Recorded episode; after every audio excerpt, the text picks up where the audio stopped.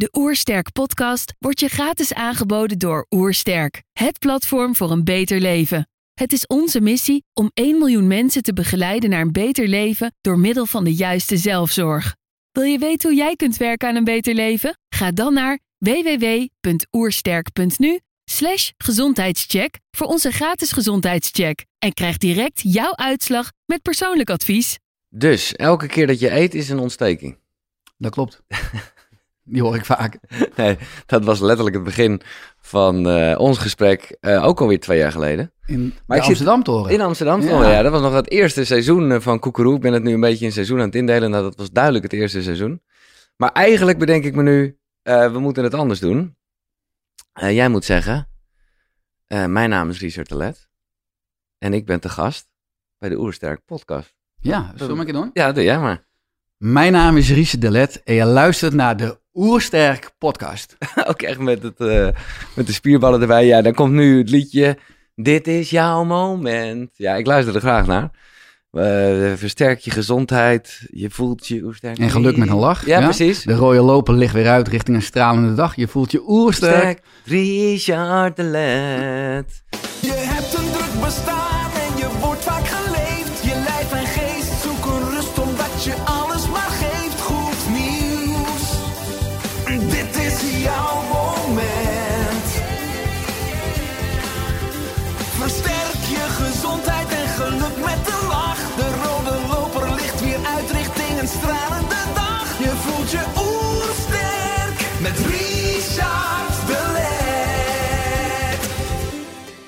Eh, ja, een, eh, een soort co-productie tussen nou ja, de Oersterk podcast en Koekeroe. Eh, want het is een jubileum.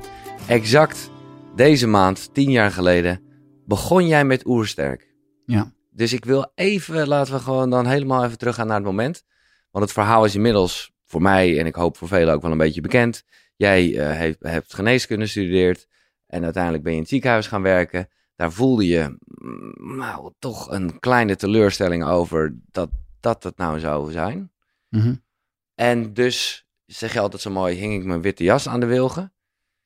Is dit, maar dit is dan dus meer dan tien jaar geleden? Of hoe, hoe, wa- wat is er tien jaar geleden gebeurd? Ja, eh, nou ja, een stapje daarvoor. Dat is precies 15 jaar geleden eigenlijk. Op 27 maart 2007 behaalde ik mijn doctoraal geneeskunde. Als jongen had ik een droom van als je arts bent, dan kan je mensen echt beter maken. Dus echt genezen. Heb je veel tijd voor mensen. Nou, in de medische praktijk is het natuurlijk het kort. Je hebt 8 à 10 minuten per consult. Eh, je hebt vooral medicijnen of operaties, het probleem wegsnijden. Het probleem dus blokkeren met medicijnen of kijk het nog even aan of we kunnen niets meer voor u doen. Eh, simpel samengevat. En ik eh, raakte mijn bezieling vrij, veel, vrij snel kwijt. En ik weet nog, ik werkte toen in het medisch centrum Alkmaar. en dat ik vanuit de artsenkamer naar buiten keek. Was net als vandaag een mooie zonnige dag. En ik zag eh, een aantal stelletjes eh, omarmd naar buiten lopen, lachen en praten. En ik keek ernaar en ik dacht, auw, het is echt maanden geleden dat ik me zo gevoeld heb. Dat jij eh, aan het lachen was, ja. Ja, ik voel me al eh, maanden eh, in, een, eh, in een keurslijf van die witte jas.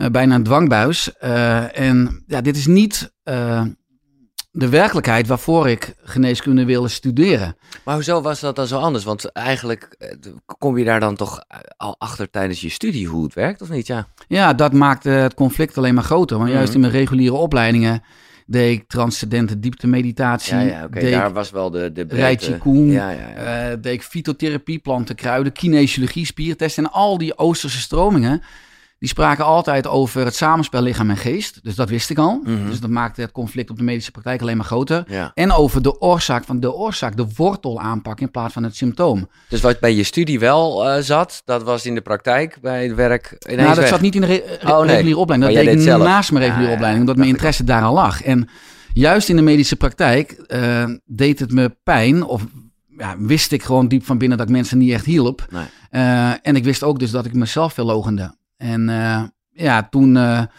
was ik al zo lang, zat ik een beetje in de put, dat ik dacht van, eh, ja, het is tijd om te springen, want het kan alleen nog maar beter worden. En ik wil me ook weer zo lachend voelen als die mensen die naar buiten toe liepen. Dus ik ben opgestaan. Het was een dinsdagmiddag, juli 2007. Ik heb iedereen een hand gegeven in de artsenkamer. En die dachten, wat gaat die gast nou doen? Ik zeg, stop, ik ga weg. En eh, nou, die zaten me een beetje raar aan te kijken. Die dachten natuurlijk van, daar komt hij wel op terug. Ik moest me ook nog uitschrijven in het VU ziekenhuis. Daar ik ook nog, kwam ik bij die balie. En die vrouw die zat me ook aan te kijken. Ze zei, ja, die hebben, dit hebben we nog nooit meegemaakt in 20 jaar. Zei ze, weet je zeker dat je niet eerst met een psycholoog wil, wil praten? Nou, ik zeg, die kan genoeg etiket op me plakken.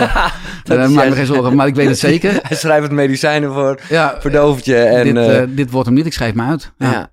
Oké, maar dat is dus 15 jaar geleden. En, Ja. en, en, en ja, wat is er dan... Ja, hoe heb je in, in die vijf jaar tijd is dat oersterk begonnen? Want dat is dus 10 jaar. Ja. Ja, nou toen eh, had ik een droom dus. Kijk, uit, in de geneeskundeopleiding, ik wist alles over ziektes. Ik wist alles over de dood. Maar ik wil, wist niets over optimale gezondheid, over preventie, over leefstijl. En daar ligt mijn interesse, toen Ja. ook al. Dus ik besloot eh kinesiologie te gaan studeren, eh orthomoleculaire geneeskunde. Uiteindelijk gespecialiseerd in de psychoneuroimmunologie. Het samenspel tussen alles wat je denkt, voelt en het zenuwstelsel en het immuunsysteem. En ik besloot dus begin 2008 een eigen praktijk te beginnen. Een praktijk voor integrale geneeskunde. En ik dacht, ja, daar ga ik dus mensen mee helpen. Maar ja, ik loop mijn tijd altijd tien jaar ruim vooruit. Dus in de regio waar ik werkte, in Heemskerk, in de Ja. Rijnmond, waren heel weinig mensen bezig met leefstijl, met voeding, met preventie. Dus ik had één, twee klanten per week in mijn praktijk. Ik verhuurde me daardoor, ik moest me 50 tot 60 uur per week verhuren aan thuiszorginstellingen, aan verzorgingstehuizen, aan verpleeghuizen, aan hospices. Daar gaf ik medische zorg, injecteren, stomazorg, eh zondevoeding, diabetes. En verdiende 27 euro per uur om uiteindelijk al die opleidingen te kunnen betalen. Ja. En ik dacht, als mijn praktijk gaat groeien, dan kan ik dat afbouwen totdat ik van mijn praktijk kan leven en mijn droom kan leven. Maar 2008, 9, 10 en in 2011 kwam ik in een soort nou, spirituele crisis, noem ik het. De huisarts zei een burn-out. Geloof ik niet, want ik was er in twee, drie maanden ook weer uit. Maar ik, ik werd in 2010 vader van Noah. Ik wilde mijn ge- gezin ook financieel kunnen dragen. En ook in 2011 had ik nog maar twee, drie, vier klanten per, eh, per week. Dus ik werd geconfronteerd en ik zakte eigenlijk weg in een soort nou, slachtofferschap. Maar ik dacht, Hmm. Richard, wat toch een ongelofelijke sukkel.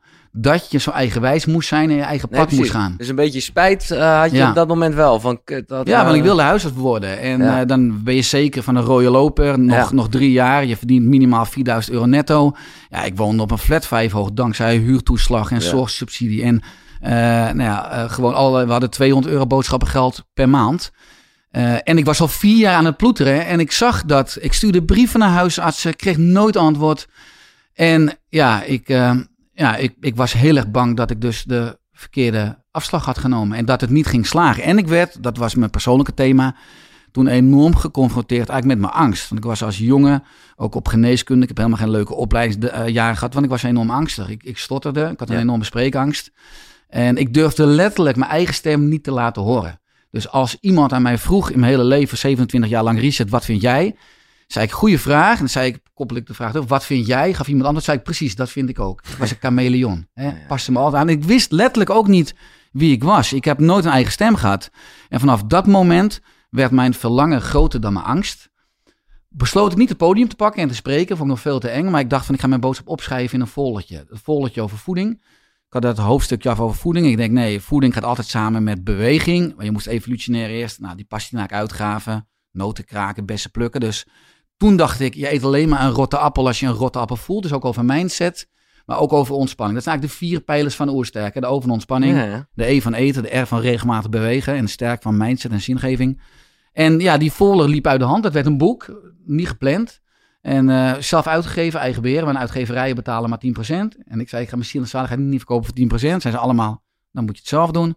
En dat werd vrij snel, dat pakte de media op. Ik had natuurlijk best een uniek verhaal. En ja, binnen zes maanden verkocht ik 30.000 boeken en was het een bestseller. En ja, was ik los. En had ik altijd een wachtlijst in mijn praktijk van eh, minimaal een half jaar. Dus tien jaar geleden, of iets langer dus, begon jij met het schrijven van wat je toen dacht een foldertje. Ja, eind 2011, begin 2012. En 11 juni 2012 kwam Oersterk mijn eerste Ja, boek uit. Oh, echt? Oké, Ja. toen kwam het boek uit. Ja. Ja. Fantastisch.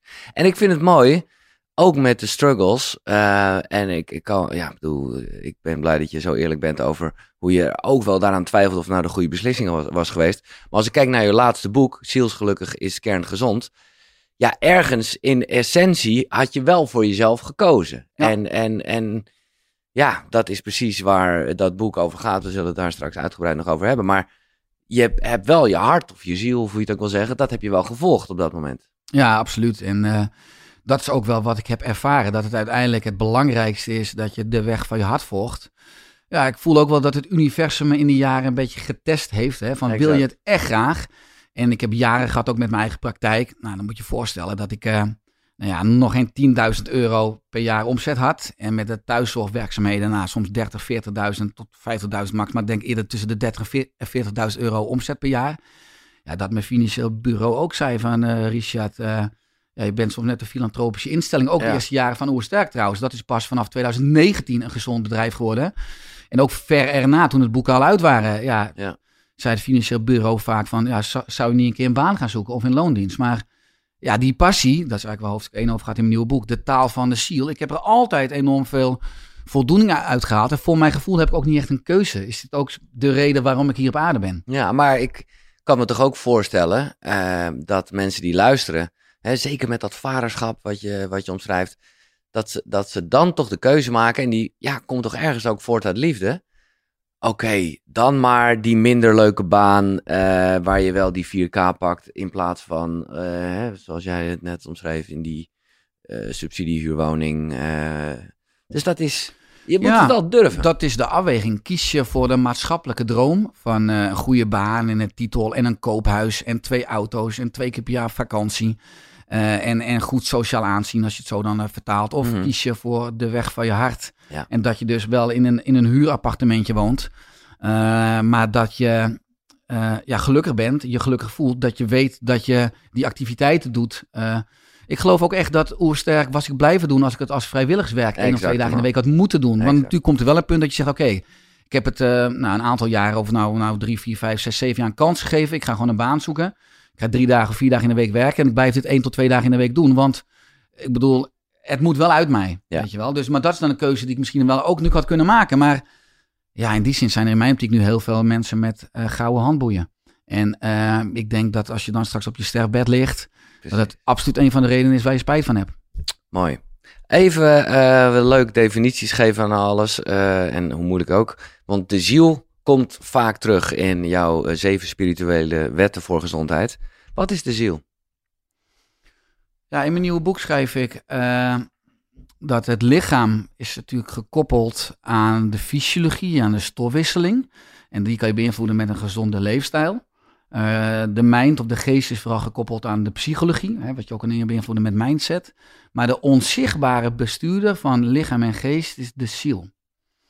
En dat is nog steeds een vaag antwoord, maar in mijn Ja. optiek is dat Aristoteles zei, ehm, we hebben allemaal, worden we geboren met leegtes.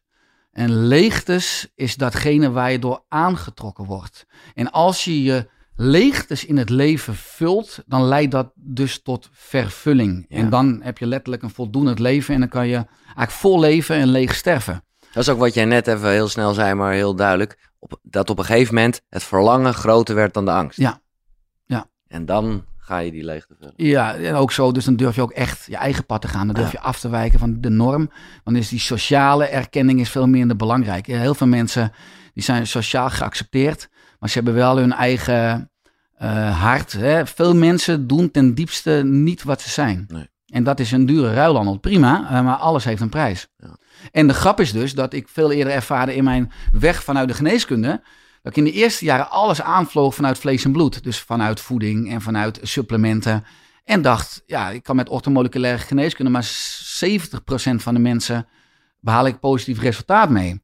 Nou, toen ging ik ook werken met, met de mind en met, met, met, met negatieve overtuigingen of met trauma's of met mindset. Nou, dan kan je tot misschien wel tot 97 of 99 procent van de klachten oplossen. Maar er zijn ook mensen, en dat fascineerde me enorm, als je dan eh, met een anamnese uitvraagt hoe ze leven, die affirmeren een half uur per dag. Alles oké. Eh, ja. die, die bewegen, die mediteren, die Ja. slapen, die hebben superfoods, hebben supplementen. En toch zijn ze ziek of hebben ze klachten. Want Ja. als je niet op de weg van je hart bent, als je niet datgene doet eh, waarom je hier bent, bij jouw unieke talent en kwaliteiten, dan kan ook je ziel, of de driehoek lichaam, geest, ziel, gaat klachten geven. Wat we in de geneeskunde dus ook, ook ziek, eh, ziekte noemen. Ik, ik noem het liever dus ook signalen.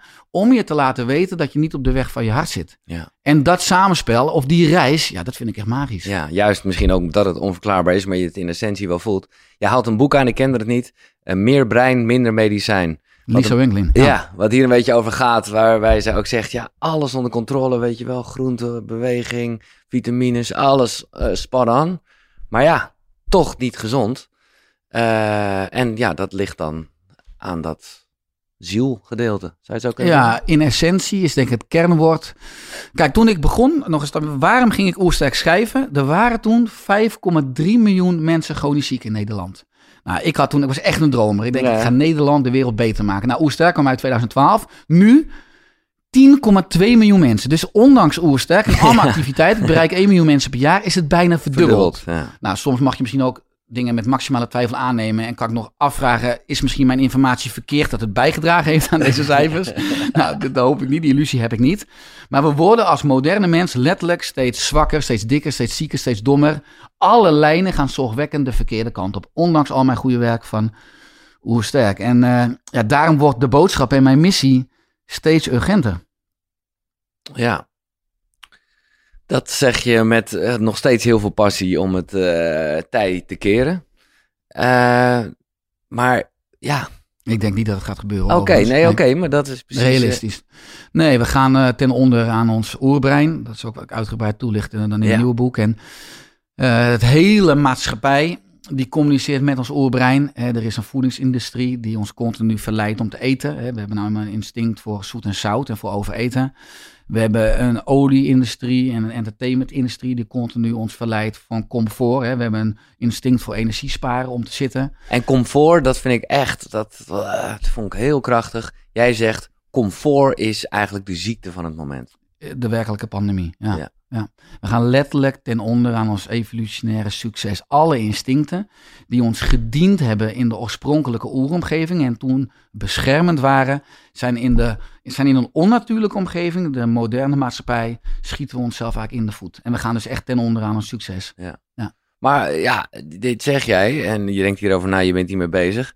Maar ja, ja, even heel negatief gezegd, wat heeft het allemaal nog voor zin dan? Nou, de wal, je ermee? de wal zal het schip gaan keren. Kijk, ook als Ja, je precies. kijkt naar de politiek. Die is er vooral om ons veilig te houden. Hebben we afgelopen twee jaar ook ervaren. De grootste gezondheidscrisis in mijn leven. Eh, alleen maar op veiligheid van buitenaf. Of nou is over mondkapjes Ja. of afstand houden Ja. of vaccins. Totaal niet op weerbaarheid van Nee. binnenuit. En daar ligt de revolutie. Ook op basis van de nieuwste inzichten. Ik vind het echt, nou ja, echt onethisch. Ik vind het, ik vind het zorgwekkend. Ik vind het, ik vind het schandalig. Dat we niets horen bijvoorbeeld over voeding Ja. of, of leefstijl. Maar ook Ben je echt ook niet benaderd, gewoon eh off the record met, met toch wel instanties? die- Zeker, Ja. zeker. Ik ben Ja. ook benaderd door ambtenaren van het ministerie van Volksgezondheid. Richard, wil je meedenken in een denktank? Oké. Doen ze expres, dat zeggen ze ook wel achter de schermen. zijn. eh, Als de minister, weet je wel, ik ben ermee bezig. En eigenlijk gewoon als, als bliksemafleider, als kluitje in het riet word je. Word je en, en bij al die mensen die mogen meedenken, toch het gevoel van, eh, nou ja, we zitten ook aan tafel. Zit in appgroepen met eh, veel vooruitstrevende artsen in Nederland, bijna allemaal, ruim 200. Eh, als je dan ook ziet dat eh, Hugo de Jong heb één keer in de persconferentie genoemd, zo 10 seconden, 15 seconden mensen. Het is ook belangrijk dat, je, dat we wat meer gaan bewegen. Ja. Nou, en dan is het een halleluja-stemming in die appgroepen. Want dan zijn ze weken bezig geweest om die 10 seconden. Nou, de minister denkt mooi, iedereen is weer Ja, koest, in de hoek. Maar ja, in de contracten met de farmaceuten staat ook gewoon, ja, we- jullie mogen maar op één paard wedden. Het is, we hebben een ijswinkel gehad met één smaak de laatste twee jaar. En dat is zo'n gemiste kans. Ja. Zeker ook als je de laatste wetenschappelijke inzichten gaat bekijken. Als je echt gaat kijken naar wat is eigenlijk het probleem en wat is ook eigenlijk het, wat is dus de oplossing? Waardoor we nu in het najaar als volk totaal niet in de problemen kunnen komen. Enerzijds moeten we ons richten op leefstijl, dus voeding, beweging, ontspanning. Op twee sleutelhormonen, insuline en leptine. Als we Mhm. daar gevoelig voor zijn, dan is het immuunsysteem superkrachtig. Nou, bijna iedereen is resistent, ongevoelig op die twee hormonen. Dus het immuunsysteem is enorm verzwakt. Aan de andere kant kan het immuunsysteem pas goed functioneren als het die bouwstenen heeft om goed voor ons hè, te kunnen blijven zorgen. Nou, welke bouwstenen ook de laatste publicaties afgelopen jaar laten allemaal zien omega-3 vetzuren, zink, magnesium, vitamine D3, selenium en vitamine K. Wat fascinerend is, en dat kan je zien in grafieken, de officiële instanties kijken alleen maar naar, naar, naar deze stoffen en noemen we de ADH de aanbevolen dagelijkse hoeveelheid. En als het boven een ondergrens is, is het oké. Nou, ik noem de ADH de achterhaalde dagelijkse hoeveelheid. Want wat zie je nou als die stoffen boven de ondergrens zitten en we krijgen bijvoorbeeld een virus of een trauma, dan gaat het immuunsysteem zoveel van die stoffen gebruiken dat het enorm de concentratie zakt van die stof onder de ondergrens. Mhm. En dan kom je in de, in de problemen. Dan kom je in het ziekenhuis, dan kom je even op de IC. Dat leidt tot een cytocinestorm, een overactief immuunsysteem die zichzelf niet meer kan remmen, trekt alle energie weg bij organen en dat leidt tot de dood bij iedereen die op de IC overlijdt of in het ziekenhuis. Nou, wat blijkt nou als die stoffen gewoon veel boven, veel hoger boven de ondergrens zitten, dan gaat het immuunsysteem die stoffen pakken. Maar je komt niet onder die lijn onder de ondergrens. En je ziet dat die mensen komen niet in het ziekenhuis, komen niet op de IC. Nou, als we dus afgelopen anderhalf jaar ook deze stoffen extra als, als supplement zouden krijgen, of we krijgen echt een voedingsplan rijk aan Ah, deze stoffen, ja, dan eh, zouden we met vertrouwen en rust zouden we het najaar in kunnen. Zou de hele maatschappij open blijven, zou de hele economie niet naar de kloten gaan en al die ondernemers. Ja. Ja, en eh, ja, ik vind het dus ook weer enorm zorgwekkend en onethisch als je kijkt gewoon naar die belangen. Ja, Kom ik ook weer uit, uit mijn vakgebied ziek. Het is gewoon een fantastisch, fantastische markt. een bu- businessmodel, ja. Ja. Ja. man. Ik weet dat wij het in ons gesprek, dit was echt nog pre-corona, maar toch ging het al over vaccineren. eh, omdat je er toen al, eh, nou ja, een duidelijke visie over had. En ik, ik weet niet meer waarom ik er, want ik heb die vraag nooit gesteld, maar in ons gesprek toen wel. Juist omdat je uit de geneeskunde kwam Ja. en ik toch ook zoiets had van, ja, het heeft ook preventief wel wat voordelen. Nou, je was daar toen al heel duidelijk in. Mhm. Kijk, wat ik alleen wel heb, maar ik, want ik, ik ja, eh, ik- nou ja, ik denk niet, ik weet dat je helemaal gelijk hebt.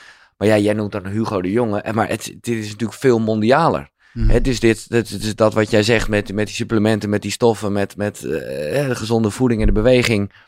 Ja, dat is ook niet dat wij, wij als landje dat net even anders hadden kunnen doen. Nee, nee, nee, wij gaan niet vaccineren. Bij ons krijg je een eh Vitaly eh supplementenpakketje. Dat, Ja. dat is toch ook nee, niet... nee, ja, zeker wat je zegt. Het is zorgwekkend dat dingen steeds eh gecentraliseerder Ja. gaan. Of nou Europa is, Ja. of de World Health, eh, Waardoor de grip volledig weg is. Ja, zo'n commerciële club of, of het World Economic Forum.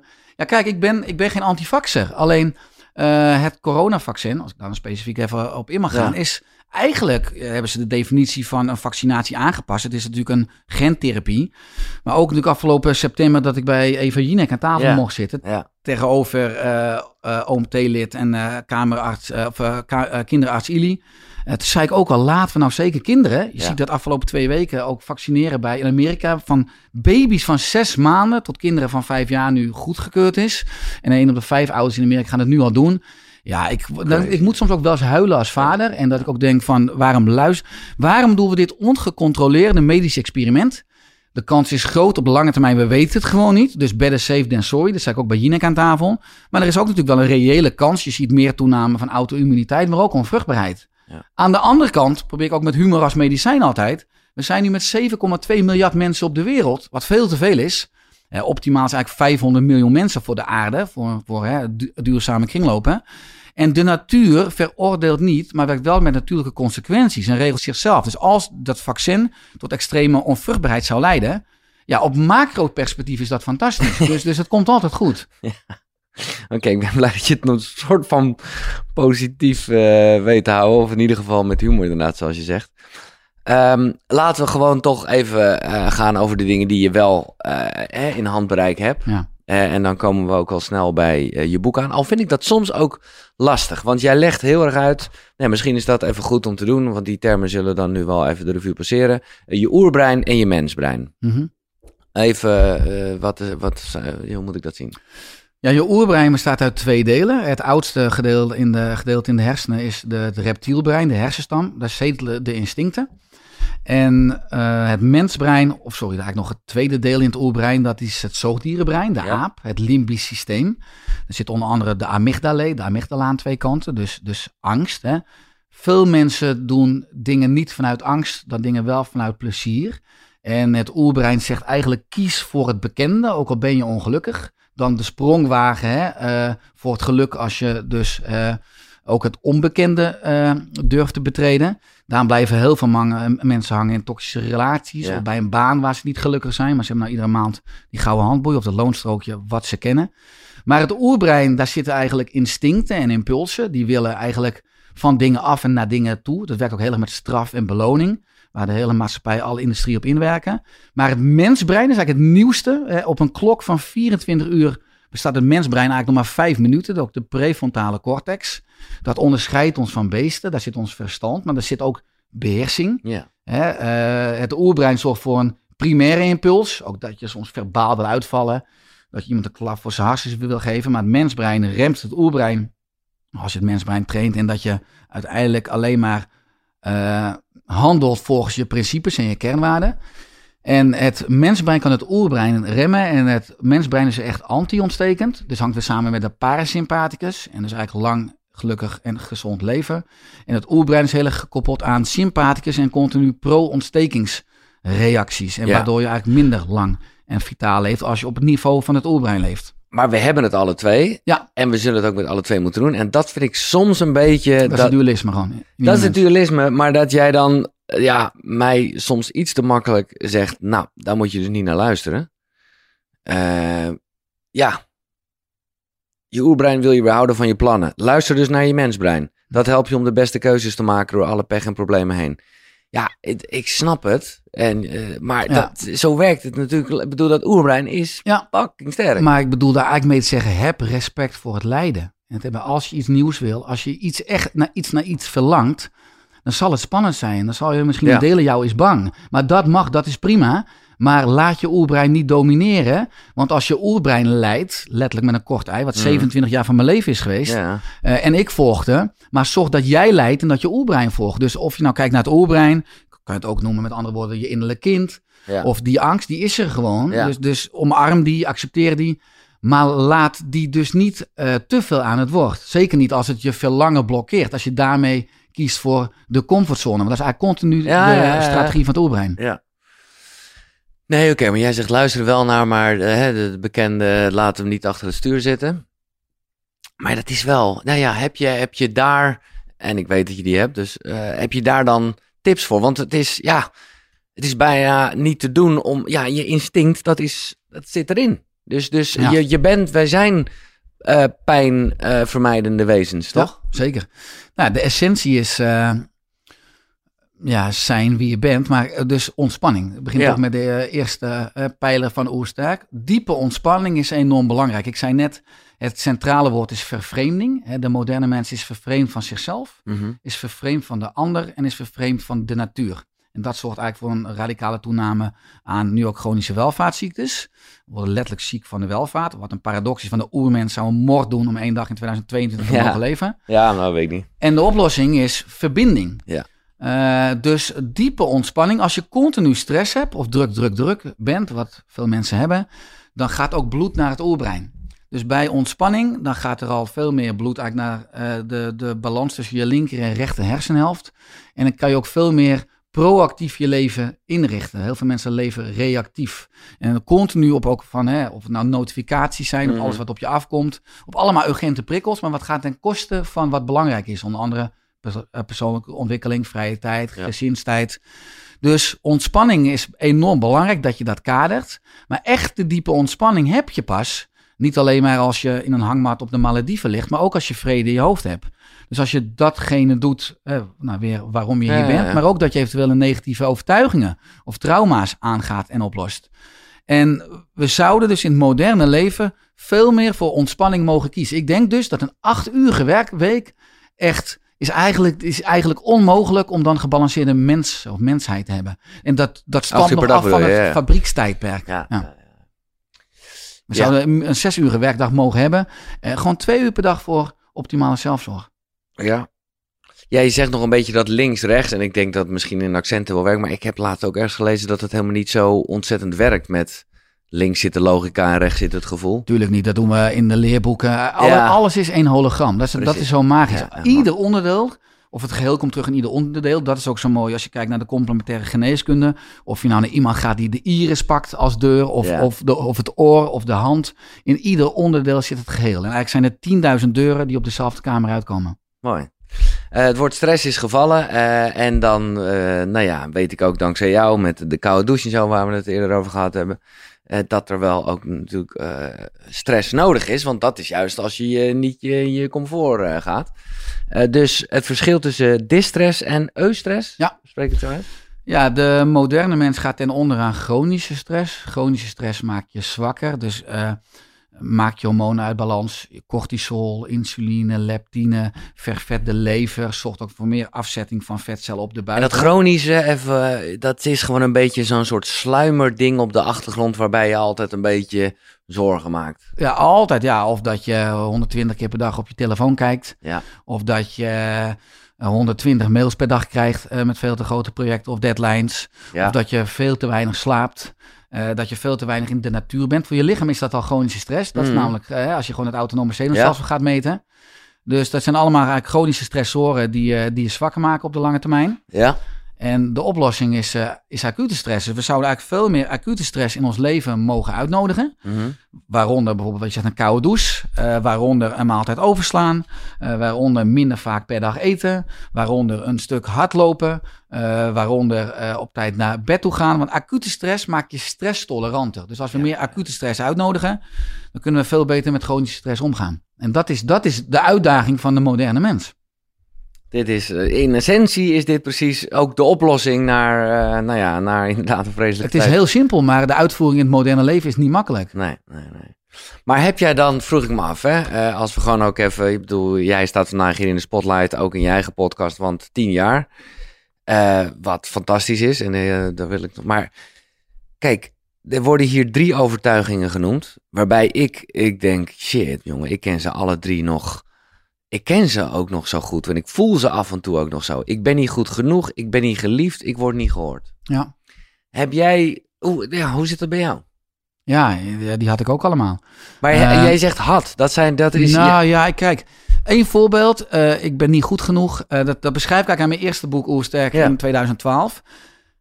Kinderen houden onvoorwaardelijk van hun ouders. Niet andersom. Hè. Ouders die zijn allemaal eh, amateurs, beste eh, intenties, maar we maken fouten. En als een kind iets negatiefs ervaart, dan is een kind geneigd te denken: het ligt aan mij, dus ik ben Mhm. niet goed genoeg. En het kind gaat eigenlijk weer kronkelen om de liefde van de ouders terug te krijgen. Dus wordt perfectionistisch. Dat was ik ook.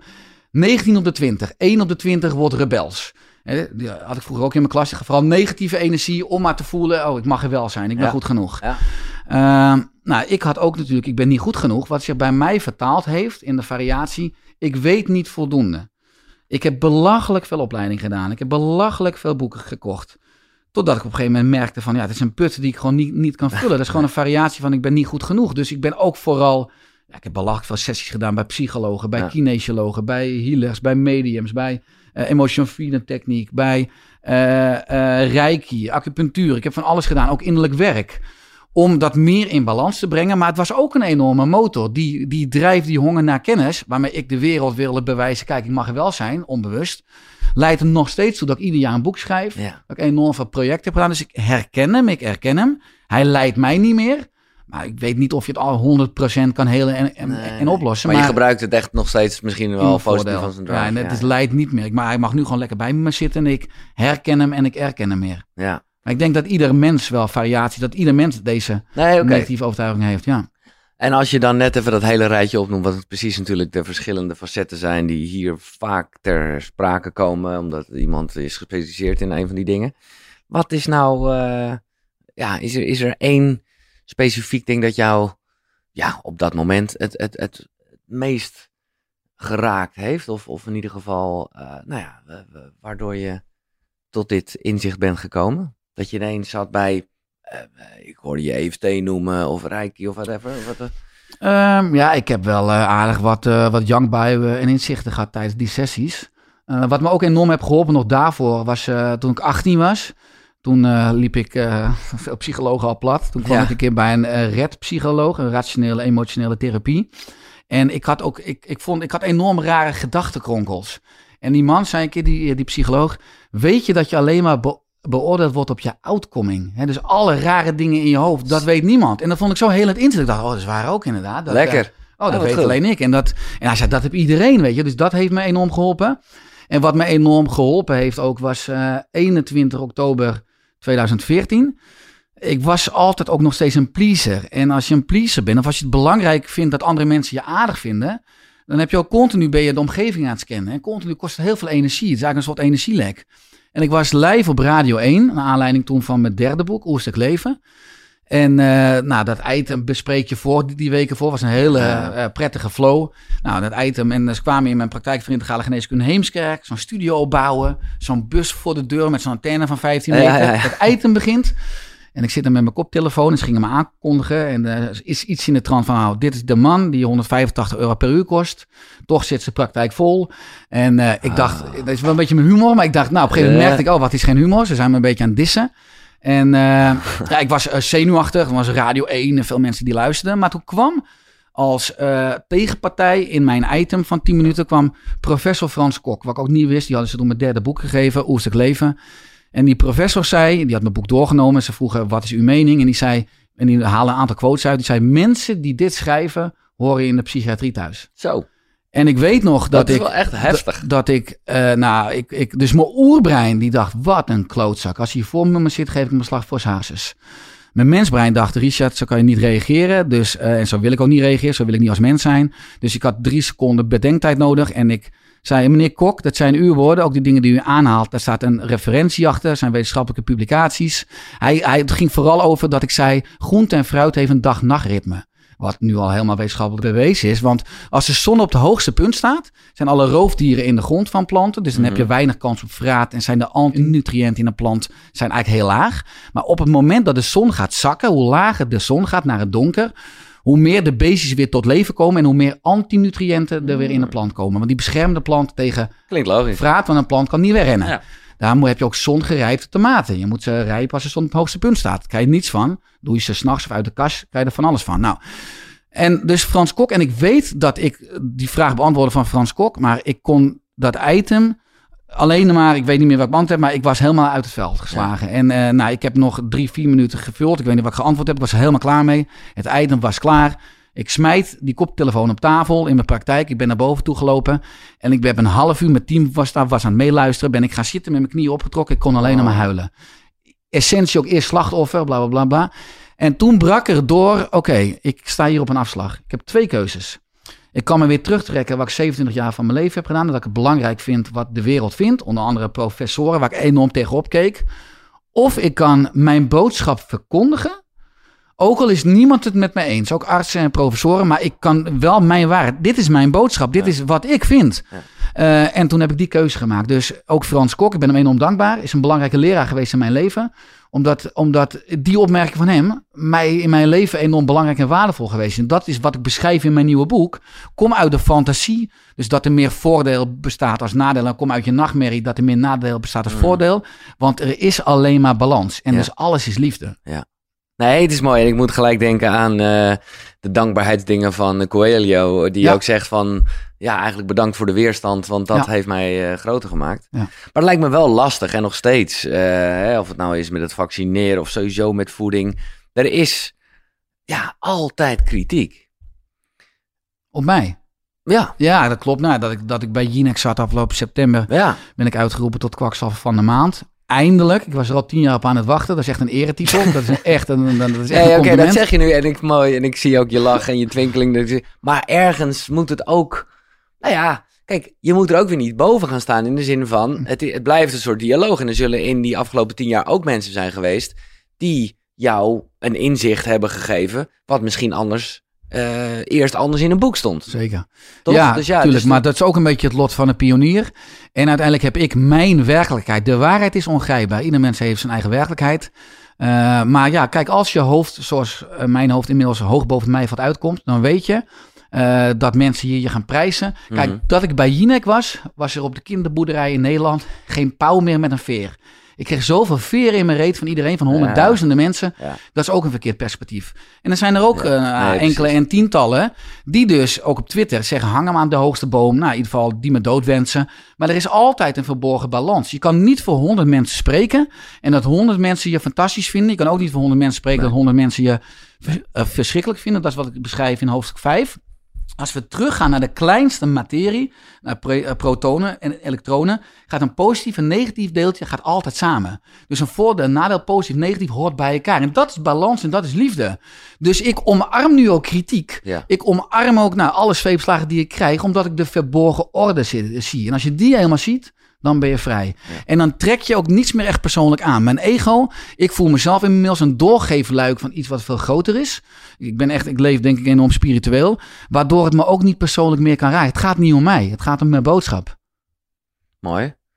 Maar als we dan toch even terugkijken, zijn er nu dat jij kan herinneren de dingen waardoor wetenschap of misschien ook gewoon door spirituele inzichten, maar jij wel denkt van, oh, eh, lijkt me heel menselijk. Daar ben- heb ik in het begin dacht ik daar dit over en heb ik dat ook uitgedragen. Alleen nu, Zeker. ja, Zeker, ja.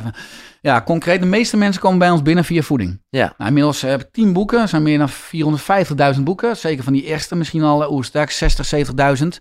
Daarin ben ik echt radicaal. Ik zeg echt oervoeding, 100%.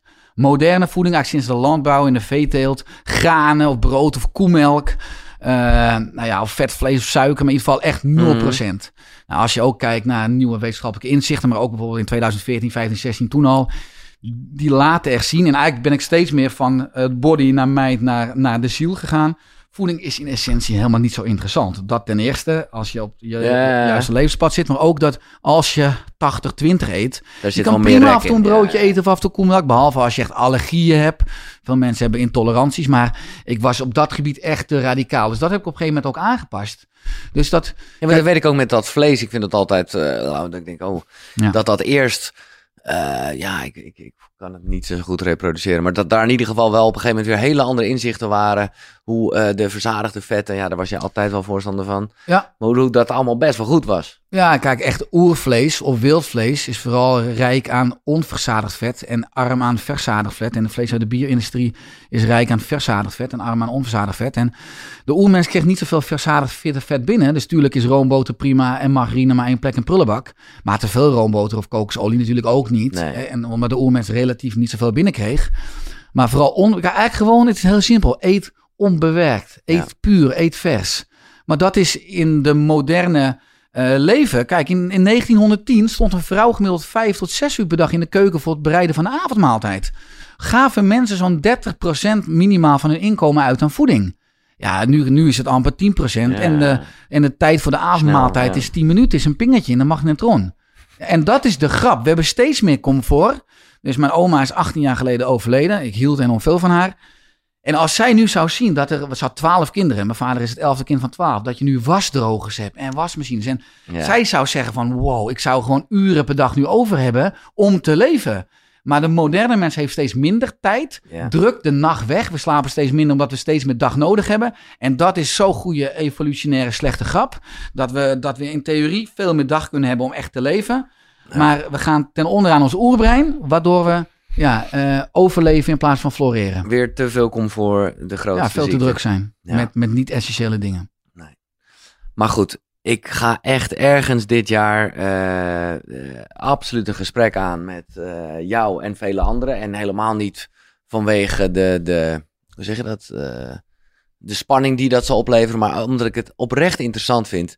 Het gebeurde al eventjes op Healthy Fest, waar ik iemand sprak, John van Heel. Ik weet niet of je hem kent. Nou, ik was, had weer een soort error in mijn hoofd, omdat hij juist zoiets had van, ja, nee, margarine, je moet niet eh, gaan voor de roomboter. Eh, nou ja, ik weet dat daar iemand ook een vraag stelde over Janneke van der Meulen die ik sprak. Eh, hè, die hier aan tafel heeft gezeten en die dan weer juist heel erg van de groente en fruit is. Ben ik ook van. Ja, nee, Als onderdeel. Ja. als onderdeel, nee Ja. precies. Ik, nou ja, ik zou het echt heel tof vinden om een keer daar een soort ronde tafelgesprek eh, over te hebben. In, en in, in, over, bedoel, als we het hebben over een 80-20 regel, denk ik dat jullie het allemaal eens zijn. Mhm. Eh, hè, als het gaat om, maar het is toch... Nou, niet, niet, niet helemaal als je wel kijkt naar het belang van orgaanvlees of ook bepaalde superfoods die de oermensen had. Maar ik denk dat er zijn ook gewoon verschillende menstypes. En het Ja, is altijd persoonlijk dat- menswerk. Ook als ja. je naar de Ayurveda kijkt, wat ik ook Ja. al beschreven in mijn eerste boek. En iedere goeroe die zegt altijd en nooit, eh, die liegt. Ja. Dus dan moet je niet naar luisteren, want het is altijd persoonlijk Maar maatwerk. daar was jij dus in het begin, zeg je daarnet heel eerlijk, misschien ook wel iets... Zeker, eh, zeker. ja, Heel veel mensen zien mij natuurlijk ook als goeroe. Maar een echte leraar, die confronteert je vooral met het gevoel van niet weten. En die stimuleert dat je eigen pad gaat gaat volgen. Dus ik wil eigenlijk betere leiders maken in plaats van betere volgers. Tuurlijk, positie, maar dat is wat ik in mijn nieuwe boek beschrijf. Als mensen tegen mij opkijken, dan is je perceptie al uit balans. Is je mind uit balans, gaat je stofwisseling uit balans, gaat je lichaam uit balans. Mhm. Dus als je tegen mensen opkijkt, eh, dan is dat dus eigenlijk een, een roofdier. Dat is een overactieve sympathicus. Nou, dat is vooral celafbraak. Maar als je op mensen neerkijkt, is dat een prooi, is een overactieve parasympathicus. Gaat je stofwisseling ook uit balans. Dus, eh, dus de gelijk. kunst is Ja, ja, om je perceptie in balans te hebben. En ieder mens is eigenlijk een spiegel van jezelf. En als je dat doet, eh, ja, dan, dan, dan ben je dus kerngezond. Eh, maar daarvoor moet je eerst zielsgelukkig zijn en je perceptie in balans krijgen. Stel je gaat met vrienden naar die bioscoop. Met een grote bak popcorn ploffen jullie in de bioscoopstoelen. De hele zaal zit bomvol, want het is strak uitverkocht. Vanavond is namelijk de wereldwijde primeur van The Story of Your Life. Een film over jouw leven. En het mooie is, het is niet door de cameramannen gefilmd, maar door jouw eigen ogen. Via slimme microchips eh, in je hersenen ziet de hele zaal hoe jij tegen de wereld aankijkt. Het licht gaat uit en de film start. Het wordt muisstil en iedereen kijkt geboeid naar de beelden. Wat gaan we zien? De film van Richard Telet. Ja, Dit is iets uit je boek, hè? ik lees het inmiddels, voor. eh, The Story of Your ja, Life. inmiddels is denk ik mijn weg ook mijn eigen heling. Ik ben altijd enorm angstig geweest. Ik ben enorm onzeker geweest. Eh, ik ben altijd een volger geweest van mijn oerbrein. Eh, niet gedurfd om mijn eigen stem te laten horen, om de weg van mijn hart te volgen. Eh, ja, misschien qua innerlijk kind dus ook wel getraumatiseerd, waardoor je vooral eh, bezig bent dus met het vermijden van pijn. Mhm. Waardoor je helemaal niet bezig bent met floreren of zelfrealisatie boven in de piramide van Maslow. Maar inmiddels ben ik dus ja, doorschrijven van mijn eerste boek. Ja, eh, toen werd ik uitgenodigd om praatjes te houden, wat ik net al benoemde van spreekangst. Ik ben begonnen de eerste presentatie in de woonkamer van mijn opa en oma. Ja. Met familie. Jong, ik keek als een, de eerste 50 presentatie als een hert in de koplamp. Zweetoksels, droge bek. Maar ik wist, ja, ik moet het doen, want ik, ik, dit is nou eenmaal, ik moet deze boodschap verkondigen. Nou, ik werd er wat beter in. Eh, kon steeds wat beter presenteren. De podia werden groter. Nou, nu als het duizend of duizend plus man is, ik geniet ervan. En Mhm. het is een beetje mijn habitat geworden. Dus eh, nou, steeds me blijven studeren, het leven blijven onderzoeken, blijven creëren. Wat ik zei, ieder jaar een boek, maar ook online trainingen. Ja, op een gegeven moment vanuit mijn praktijk dan de missie gekregen om eh, ja, 1 miljoen mensen te willen helpen. Ja. Om echt impact te maken. Ja, dat kan niet als je een uur met mensen werkt. Dus ik heb in 2019 mijn praktijk beëindigd. Ik verdiende 1000 euro ex-BTW per uur. Waarvan mijn oerbrein zijn, jij hebt iedere dag zo'n pinbonnetje met vijf patiënten met 5000 euro. Ja, eh, stop nou niet. Maar ja, ik wist dat ik daarmee ook bijna ook weer mijn ziel zou verlogen Ja. als ik het niet zou doen. Dus ik heb gesprongen en ik ben een ander systeem gaan opzetten. Onze Oerster coachopleiding. Met die missie, als ik nou duizend nieuwe zorgprofessionals kan opleiden. Die ieder jaar duizend mensen kunnen helpen. Duizend maal duizend is een miljoen. Nou, nu inmiddels hebben we er ruim 400 opgeleid. We kunnen er maar 120 per jaar opleiden. Dus ja, ik hoop over een paar jaar terug te komen. Als ik de duizendste heb, dan hebben we weer een groot feest. Ja. Dan hebben we die missie ook behaald.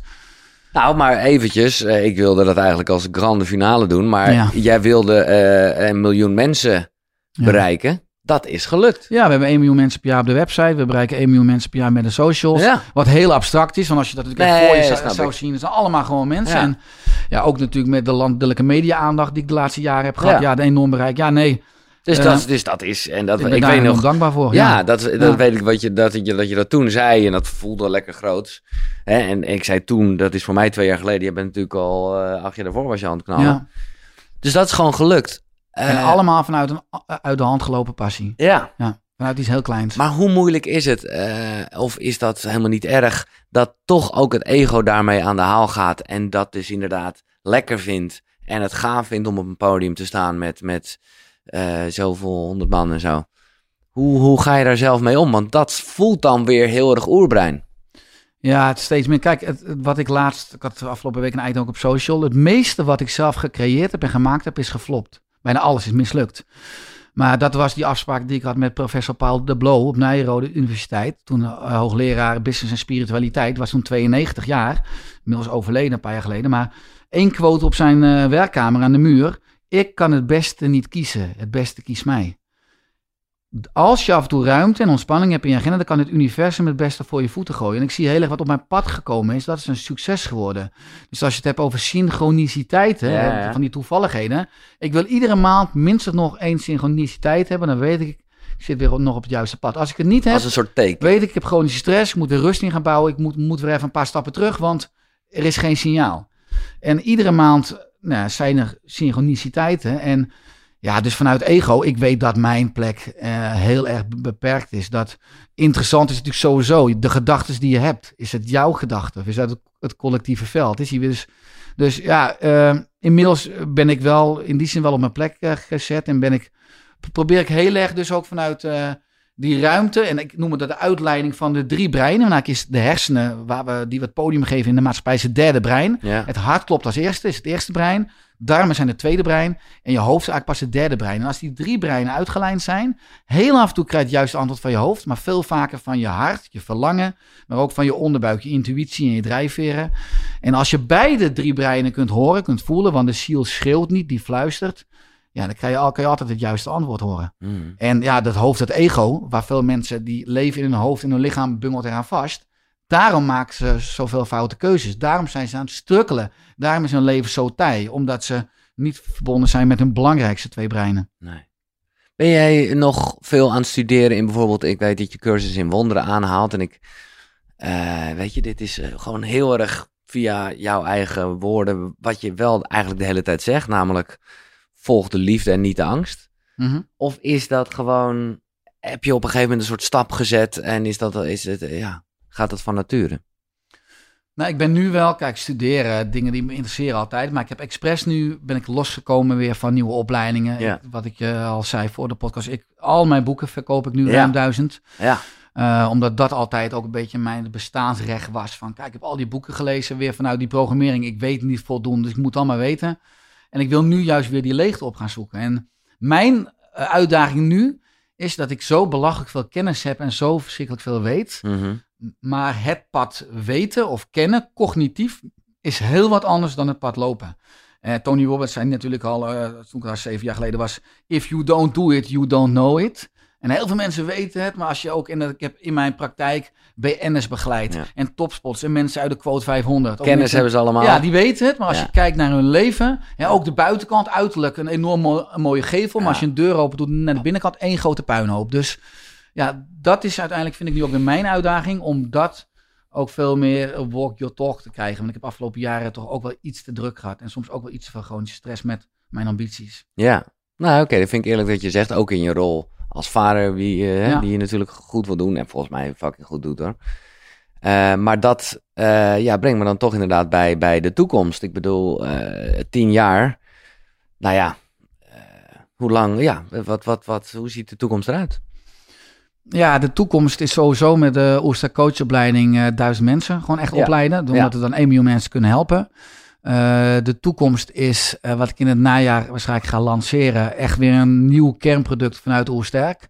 Maar heb je het nu over Vitaly of nee, iets anders? Vitaly bestaat al. Ik wil, echt een, ik wil dus echt een meetbaar product maken, maar ook gewoon dat mensen met een vingerprik inzicht kunnen krijgen in hun metabole gezondheid. En bijna iedereen is uit balans. Ja? Een drie maanden traject waarmee je dat meetbaar kan verbeteren. En met de beste experts. En dan na drie maanden weer een vingerprikje. En dan zie je je eigenlijk je eigen dat gezondheidspaspoort. Ben ik nu aan het. Ja, dat, dat is fantastisch. Dat is eigenlijk wat ik ook nu wil maken. Om iedereen die concrete handvatten te Maar geven. met dan wel, ik bedoel, daar zal Vitaly, ik zie hier trouwens, is dit een nieuwe eh, box? Ja? Vitaly is helemaal een nieuwe jas. Een, Oh. nieuwe huisstijl. Ja. Deze ken ik niet. Vitaly, Maar ja. want ik kan me wel voorstellen dat na dat prikje dat toch een van de oplossingen wordt. Even los van misschien dat je ook rust moet nemen en beweging. Maar Zeker. toch ook gewoon Zeker. bepaalde stoffen die Ja, je maar mist. ik ben natuurlijk, kijk, Vitaly is ook ontstaan uit eh, de noodzaak dat ik al die aanmerken opbelde. En vroeg, Ja. hebben jullie geen totaalconcept? Of, of willen jullie het gaan maken? Zeiden allemaal nee. Dan is het ook de ondernemer in mij dat ik ga het zelf maken, omdat de therapie trouwen heel slecht is als mensen dat in losse potjes doen. Ja, Maar ja, ik kan, je kan natuurlijk zeggen van, vanuit verkopen van ga die stoffen nemen. Maar ik zei ja, ga ook maar prikken, want meten is weten, zo Ja, ben ik ja, opgeleid. En als je ziet, en bij iedereen is bijvoorbeeld vitamine D3 of de omega-3-index is veel te laag. Nou, dan is het wijs om het te gaan slikken. Maar als je mij niet gelooft, ga maar prikken. Dat enerzijds. mooi. Eh, ja, en anderzijds kan je gewoon ook veel meten je belofte. Kan je gewoon ook hard maken naar de buitenwereld. En je kan die data weer gaan gebruiken. Ik heb straks hele mooie testimonials van, van Piet en van Anja, van iedereen. Die kan gewoon zeggen van oké, eh, beginpunt bloedwaarde dit. Dit waren de, de klachten. Drie maanden gewoon eigenlijk universele hormetische leefstijlinterventies, noem ik dat. Gewoon oersterk dus, Ja. maar praktisch uitgewerkt. Weekschema's, challenges, kant-en-klaar. Ook in een online omgeving met de groep, waar je vragen kan stellen. Waar je dus ook verbonden bent met, eh, met, met zwarte schapen. Eh, Zoals jij ze noemt, hè? De, ja, de- dus, de dus je strijders. moet afwijken van de norm, Ja. want, de, want de norm is natuurlijk heel ongezond. Eh, dus, dus dat kernproduct op poten zetten. En dan uiteindelijk ook wel, misschien vanaf volgend jaar, waar ik altijd wel van gedroomd heb, internationaal. Ja, Dus boeken, eh, online Ja. trainingen in Engels en nu ook misschien wel in Spaans, oké in dan. Duits. Eh, want ja, de wereld is mijn thuis en ik denk dat iedereen recht heeft op, op deze informatie. En Maar dat is wel een kwestie van gewoon betere mensen om me heen gaan creëren. In het begin was ik van de tien jaar de artiest. Ik deed Ja. alles zelf. ja, bij ja, ja, 100 met, je, met je wagentje, met en ik de snap boeken ook wel erin. als en, eh, ondernemer dat het uiteindelijk de kunst is om business owner te zijn. En gewoon dat je betere mensen inhuurt. om je heen moet zoeken. Want als je de slimste in de ruimte bent, doe je iets niet goed. Ik heb dus enorm veel incompetenties. Ik kan maar een paar dingen heel goed, maar heel veel dingen heel slecht. En, en daar gewoon een goed team eh, omheen bouwen. Eh, wat een spirit, jongen. En, want, maar dat is dan gelijk, en dat is ook omdat ik weet dat je daar een stap in gaat zetten. eh, want jij, jij zegt al persoonlijk, nou, eh, moet ik daar ook even op letten. Dus hoe ziet, ehm, ja, wat, wat heb je persoonlijk nog? Hè, want dit is allemaal heel erg de business waar wij het over hebben. En dat is ook je passie hoor, dus dat, ik snap het. Eh, maar heb je persoonlijk nog doelen of dingen die je, ja, die je gewoon wil? Ja, een goede vader zijn. Ja, ja, in die zin. Maar dat, ja, dat, wat ik zeg, dat ben ik denk Ja. ik. Eh, ook omdat ik gewoon eh oersterk, het kantoor is in de straat waar, waar ik woon. Dus die jongens Ja. komen aansteppen, die komen, komen dat is aan fietsen, die lunchen mee. Ik ben voetbaltrainer al zes, zeven jaar van Noah. Ik sta twee keer per week op het veld. Dus dat heb ik ook allemaal al zeg maar, afgekaderd. Eh, maar ik wil eigenlijk gewoon wel steeds minder werken. De essentie, ik wil nu naar een zes uur werkdag ben ik nu al. Ik wil eigenlijk naar een vier uur werkdag. Eh, ik ga per september ook echt een eh, jaar naar Spanje toe. Eh, een soort sabbatical, daar gewoon part-time Ja, maar drie ochtenden in de week werken. Dus ik ga mezelf opnieuw uitvinden. Ik word in oktober 40. Dus dat is voor veel mensen natuurlijk wel een punt van... Ja, ik heb alles eigenlijk nu waar ik van ge- gedroomd heb. Niet per se dat ik zeg, is dit het? Want ik ben fantastisch Ja, rijk. Maar ik wil mezelf opnieuw uitvinden. Vooral door heel veel in de natuur te begeven. Ik wil mezelf als gezinsman inderdaad wel weer met mijn vrouw en onze twee, twee zoons opnieuw uitvinden. Maar ook als businessman, nadat ik nu even wat meer van het bedrijf afga. Of de bedrijven afga Ja. ook weer eh, opnieuw eh, uitvinden. En eh, ook dan daaruit kijken wat het universum weer voor mijn voeten gaat gooien. Dus ik ben beschikbaar voor het hogere, voor mijn missie. Ik denk dat ik dat nu al leef. Ik heb bijna alles van mijn bucketlist waar ik van gedroomd heb. En ja, ik ben eh, nu gewoon klaar voor eh, ook ja, bijna waar het universum mij voor nodig heeft. Klinkt zo spiritueel, Nee, maar ook een beetje wat, wat op mijn pad komt. Ja. Ja. Wat een spirit, jongen. Ik vind het echt fantastisch.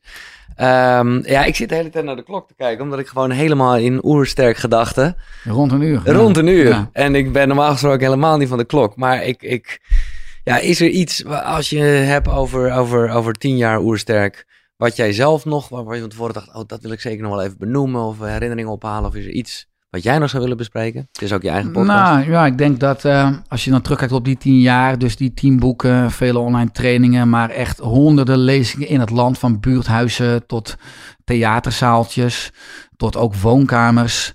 eh, dat ik altijd een behoefte heb gehad om, eh, om, om die boodschap te delen Ja. over gezond leven. Want pas als je de juiste informatie hebt, kan je de juiste keuze maken.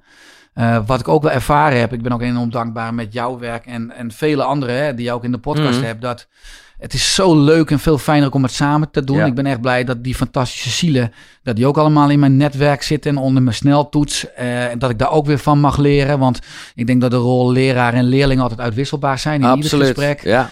En, eh, ja, ik, en ik denk ook dat de tijdsgeest, nu ook als we dan naar het Aquarius tijdperk, we Ja. gaan veel meer van naar de luchtenergie. Dus ik heb ook alle vertrouwen, eigenlijk ieder boek en alles wat ik doe, ieder boek sluit ik ook af, dat hè, draag ik op aan de liefde. Liefde is het grootste universele medicijn. Eh, en ik geloof ook dat de waarheid in de liefde altijd gaat overwinnen. Want normaal, er is altijd liefde, er is altijd perceptie. Maar ik denk nog wel dat die crisis aankomende jaren nog wat groter wordt. Omdat we, nou ja, ook een crisis weer een kans is. En de wal zal het schip keren. Maar ik wil eigenlijk gewoon op mijn eigen vierkante meter... Ja, die boodschap van liefde, van hoop, maar ook van flauwe grappen en praktische handvatten blijven uitdragen met jou, met vele anderen. Ja. En eh, ja, ik ben ook enorm dankbaar en eh, trots dat, eh, ja, dat ik inmiddels na, na tien jaar nu dit podium heb. En ja, dat is denk ik mijn echte goud. Dat alles wat ik verkondig, wat ik al zei, als dat iets niet klopt, dan kom ik erop terug. Mhm. Ik heb nog nooit een euro aangenomen van sponsoring, van adverteren. Van Nee. ik ben echt alles wat ik promote, leef ik zelf. Adviseer ik mijn ouders, adviseer ik mijn goede vrienden. En ik denk dat dat wel uniek is ook in het commerciële tijdperk. Eh, en eh, dat mensen die mij kennen of lang volgen, daar ook echt wel achter komen dat ik echt enorme principes en kernwaarden heb. Daar ook fouten in heb gemaakt. Bijvoorbeeld afgelopen jaar met een com- een commercieel marketingbbureau. Die zeiden je moet vaker mailen. Want hoe vaker je mailt, hoe Oh. meer omzet. En dat was ook zo. Maar ook meer uitschrijvingen en meer negatieve mailtjes van de Richard. Dan ben je com- eh, commercieel Ja. geworden. Totdat ik dacht, ja Richard Sukkel, wat doe je nou? Dat zijn niet je kernwaarden. Dus daar heb ik ook qua marketing en strategie eh, afgelopen jaar weer lessen ingeleerd en fouten ingemaakt. Dus excuses volgers. ik mailde iets te vaak. Maar ja, daar ben ik dan ook weer heel eerlijk en transparant in. Lekker man. ik me dan weer daar door externe partijen weer iets te maar laat je blijft meetrekken van lekker mezelf pielen en af. En, eh, pionieren en leren en groeien en uit je comfort. Dus die groei gaat gewoon door. En het leven is magisch. En eh, ik hoop dat ik met de luisteraars, kijkers, dat we met z'n allen de wereld echt veel mooier en vitaler en gewoon beter mogen maken. Dit is, dit is natuurlijk de afsluiting van normaal gesproken ook jouw podcast. Ik bedenk me net, maar ja, check het boek gewoon, want ik vind het echt eh, mooi en eh, by far je meest spirituele boek, dat ik de zeven wetten niet zo in volgorde genoemd heb. Laat ik dat gewoon ter inspiratie nog doen. Volg je innerlijk vuur, tem je oerbrein, omhels je narigheid, vergelijk jezelf met jezelf, hè, dus niet met anderen, geloof je ogen niet, bedank je klachten, kraak de gezondheidscode. Nou, deze wet eh, heb jij in ieder geval, eh, ben je lekker aan het leven. Eh, en Vitaly, eh, ja, als je het niet kent, ik, ik vind het mooie nieuwe zakjes. Vandaag is weer een nieuwe dag waarop je kiest voor jouw gezondheid. Nu nog zes seconden van je tijd, vier slokken water en hopsakee, je kan er weer tegenaan. Nice. Dat is echt eh, nou, een soort alles in één. Ik zal een linkje in de En beschrijving zetten. Vitelli gaat als een raket, dat is de grap. Omdat dat echt een oerbrein bedrijf is. Dat is gezond en gemak in één. Kijk, oersterk Ja, ja, ja, ja, is ja. tien jaar mensbrein. Je moet je bewustzijn, je moet Dit je vaardigheden knallen. En Vitelli heeft oersterk al ingehaald. Maar ja, eh, uiteindelijk is oerbrein mensbrein. eh, oersterk mensbrein. en Vitelli oerbrein. En, maar uiteindelijk ja, probeer ik beide deuren te pakken om, om echt gewoon ook meetbaar beter te worden. Duidelijk, ja, we zitten aan dat uur. Man, wat een, wat een druk heb jij toch altijd in je eigen podcast. Maar ook respect, ik luister graag naar je, Richard. Laat ik dat ook Wederzijds. Hier En gezegd dan, hebben. ja, misschien als laatste, Giel. Ik ben echt enorm blij en trots dat ik ook hier mag zitten. Dat je die handschoenen willen oppakken naar aanleiding van 10 jaar oersterk. En ik ben ook zo blij met jou als, eh, als vakgenoot, ook als vakidioot. En ook met het werk en, eh, en de informatie en de liefde die jij uitstraalt. Ook echt, eh, echt, echt petje af. En eh, ik hoop ook dat eh, we op onze eigen vierkante meter echt onderdeel mogen zijn eh, van die duurzame oplossing waar de wereld echt naar hunkert. Mooi man. Richard Telet, 10 jaar oersterk. Bedankt voor het luisteren. eh, en eh, laat vooral iets achter in de beschrijving. Dit was Koekeroe. Dit was ook de Oersterk podcast. Tot de volgende. Zonnegroet. Hoi.